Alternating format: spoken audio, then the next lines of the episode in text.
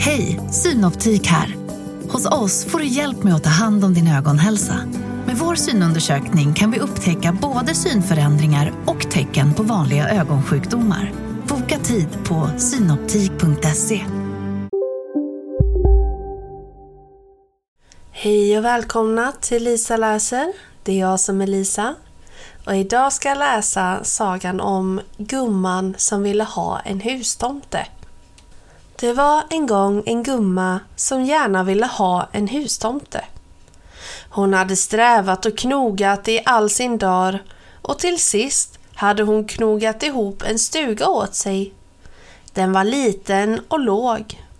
Ett kök, en kammare och en liten förstukvist precis lagom åt gumman. När allt var i ordning var hon storbelåten. Nu har jag allt vad jag önskar mig, sa hon. Det enda som fattas är en hustomte. Var i all världens stad ska jag få en hustomte ifrån? Jag ska locka honom med god mat, tänkte hon.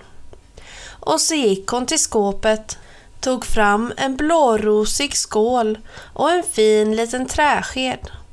Sedan kokade hon risgrynsgröt, hällde gröten i skålen och gjorde en stor smörhåla i mitten. Den gröten skulle ingen tomte kunna motstå. Så ställde hon skålen på trappan och därpå gick hon och la sig. Imorgon har jag tomten här, tänkte hon. Det är så säkert som aldrig det. Men när morgonen kom hade katten ätit upp gröten och ingen tomte syntes till. Jag ska locka honom med en grann mössa, tyckte gumman. Och så stickade hon den trevligaste tomtemössa med en lång tofs. Den blev så fin att gumman inte kunde se sig mätt på den. Hon hängde den i äppelträdet och så kröp hon till kojs. Imorgon är tomten här, sa hon. Det är så visst som aldrig det. Men när det blev morgon hade mössan blåst upp i en talltopp. Där satt den och lyste. Men ingen tomte syntes till. Jag ska locka honom med en blank silverslant, tänkte gumman. Imorgon är tomten kommen, sa hon. Det slår aldrig fel. Men när gumman vaknade såg hon hur en skata flög bort med slanten. Av tomten syntes inte minsta spår. Gumman blev rent ifrån sig. Hon satte sig på tröskeln och grät.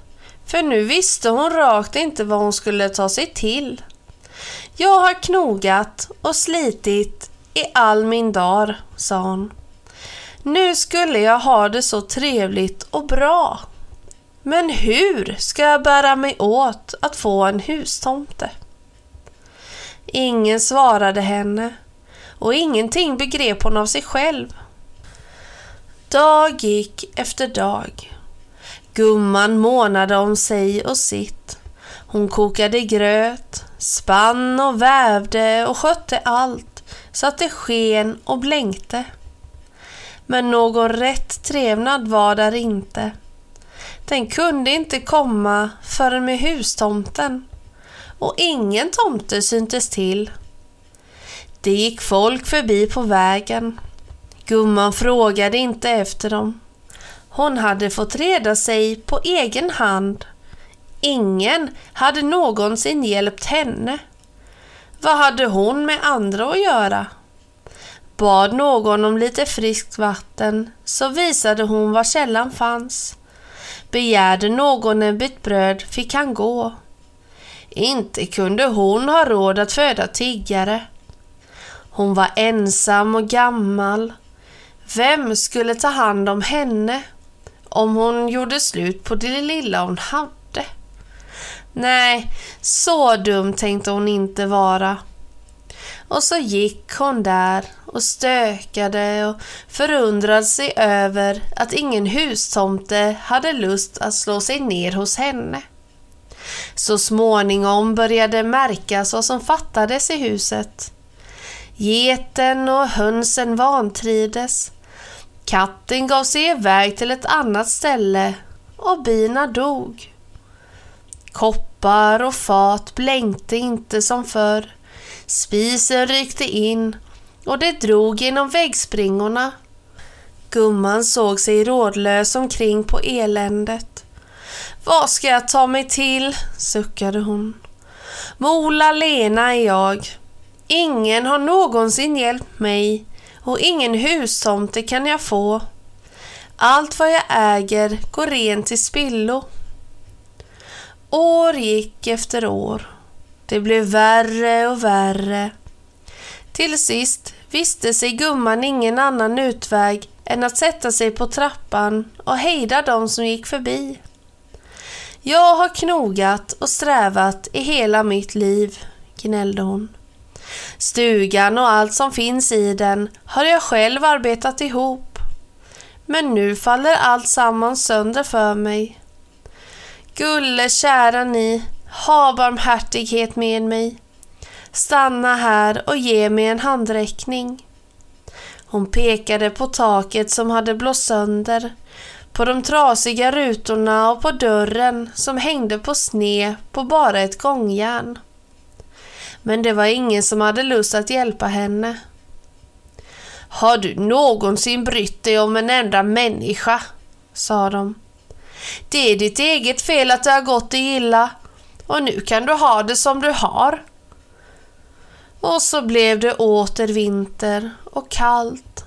Snön nyrde in genom det trasiga fönstret och gumman, hon levde ensam i ett stort elände.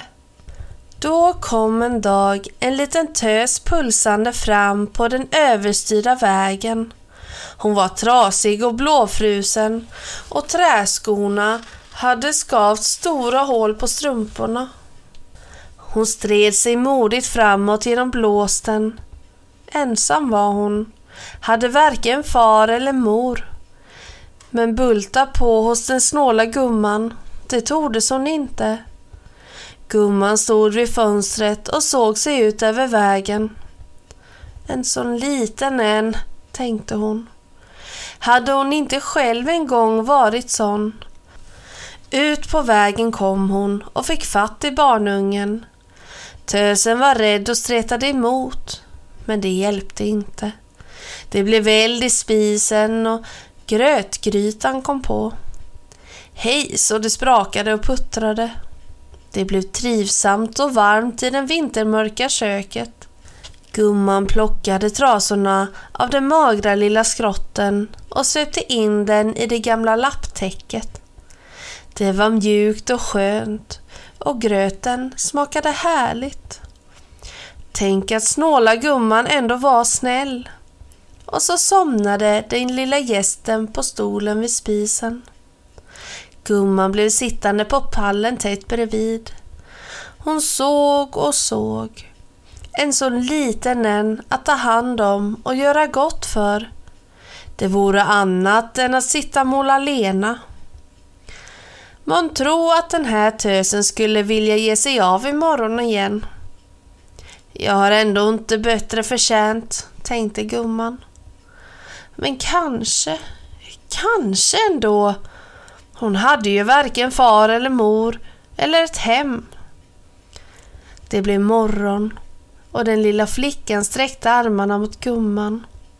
Hon ville inget hellre än att få bli kvar. Men den kvällen såg gumman med egna ögon hur en tomte i röd mössa gled in genom dörren, smög fram till spisen och skrapade grytan. Sedan tassade han runt hela stugan som om han velat se efter vad han först skulle ta itu med. Och den tomten är kvar hos gumman än idag.